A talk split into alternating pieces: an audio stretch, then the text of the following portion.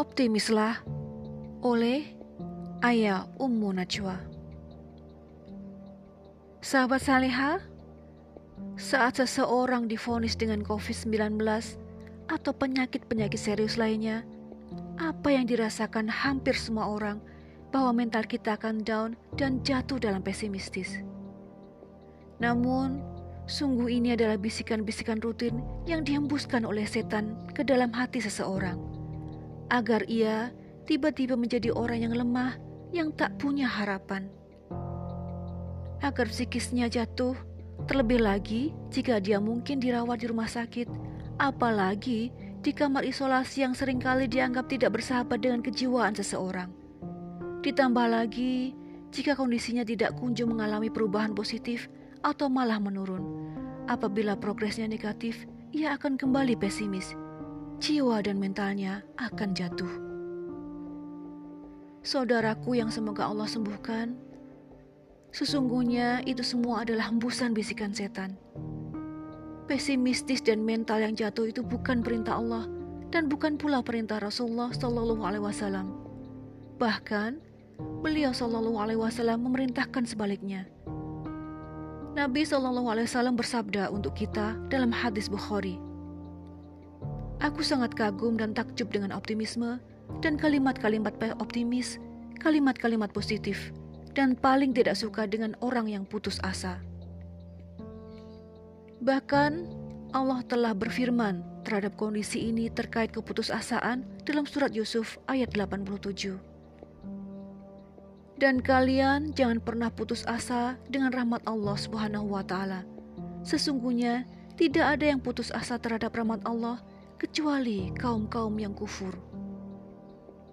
Sahabat Salihah, sungguh Allah Subhanahu wa taala tidak menyukai keputusasaan. Maka jangan putus asa. Seberapapun berat masalah atau separah apa pun kondisi kita, jangan menyerah saudaraku. Karena dengan optimislah Allah akan menolong kita. Dengan optimis, kondisi kita akan baik. Optimislah bahwa sakit ini akan hilang dan sesak napas itu akan normal. Maka, jaga hati kita untuk tetap optimis.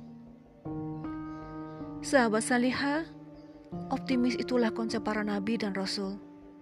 Walaupun secara teoritis tidak ada harapan, mereka para nabi tetap optimis. Ingatlah ketika Nabi Musa alaihissalam dikejar oleh Firaun, bisa jadi secara hitung-hitungan manusia Nabi Musa tidak memiliki harapan karena di depan lautan sedang di belakang Firaun dan bala tentaranya mengejar. Namun Allah firmankan kejadian itu dalam surat Asy-Syu'ara ayat 61. Maka ketika kedua kelompok itu saling melihat, berkatalah pengikut-pengikut Musa, "Kita benar-benar akan tersusul." Dan ketika sudah terlihat rombongan Nabi Musa, sedang di belakang Nabi Musa terlihat rombongan tentara Firaun, Ketika mereka menoleh ke belakang, mereka sudah mati rasa. Di saat itulah sebagian pengikut Nabi Musa merasa pesimis dan putus asa, dan mereka mengatakan kalimat-kalimat pesimistis bahwa kita pasti akan tertangkap. Namun, tidak ada jalan untuk selamat lagi. Namun, Nabi Musa alaihissalam berkata sebaliknya. Kata-kata optimis yang beliau serukan di tengah-tengah pesimistis dari sebagian pengikutnya dalam ayat berikutnya. Dia, Musa menjawab, Sekali-kali kita tidak akan tersusul. Sesungguhnya Tuhanku bersamaku. Dia akan memberiku petunjuk. Sahabat Salihah, kalimat yang tegas dan lugas dan penuh dengan optimisme. Apa yang terjadi selanjutnya? Kita baca ayat berikutnya. Nabi Musa diperintahkan untuk memukulkan tongkatnya ke permukaan laut, maka lautan terbelah dan dalam singkat cerita, Nabi Musa dan mengikutnya, selamat wahai saudaraku. Saudaraku yang Allah muliakan dan semoga Allah sembuhkan. Benar, kita sedang sakit dan bisa jadi sakit kita serius. Angka tetapi Rob kita, Allah Subhanahu wa taala sangat mudah untuk menyembuhkan kita. Tidak ada yang sulit bagi Allah jika Allah sayang sama kita. Dan bagaimanakah keadaan orang-orang yang yakin kepada Allah? Yang dikatakan oleh para ulama seperti Abdullah bin Abbas bahwa Sesungguhnya seorang mukmin senantiasa berada di dalam kebaikan dan semua itu adalah anugerah dari Allah Subhanahu wa taala. Yakinlah saudaraku, sejatinya Allah senantiasa dekat dengan kita. Allah sayang dengan kita, apa pun kondisi kita. Jika kita optimis, Allah pasti akan menolong. Karena sungguh, optimisme menunjukkan keyakinan seorang hamba kepada Robnya.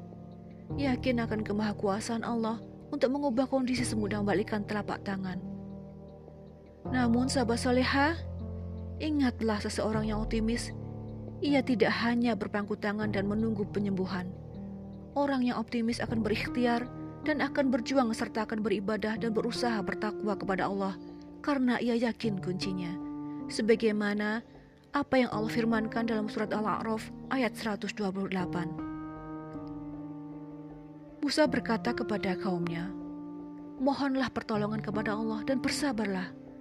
Sesungguhnya bumi ini milik Allah, dia wariskannya kepada siapa saja yang dia kehendaki di antara hamba-hambanya. Dan kesudahan yang baik adalah bagi orang-orang yang bertakwa.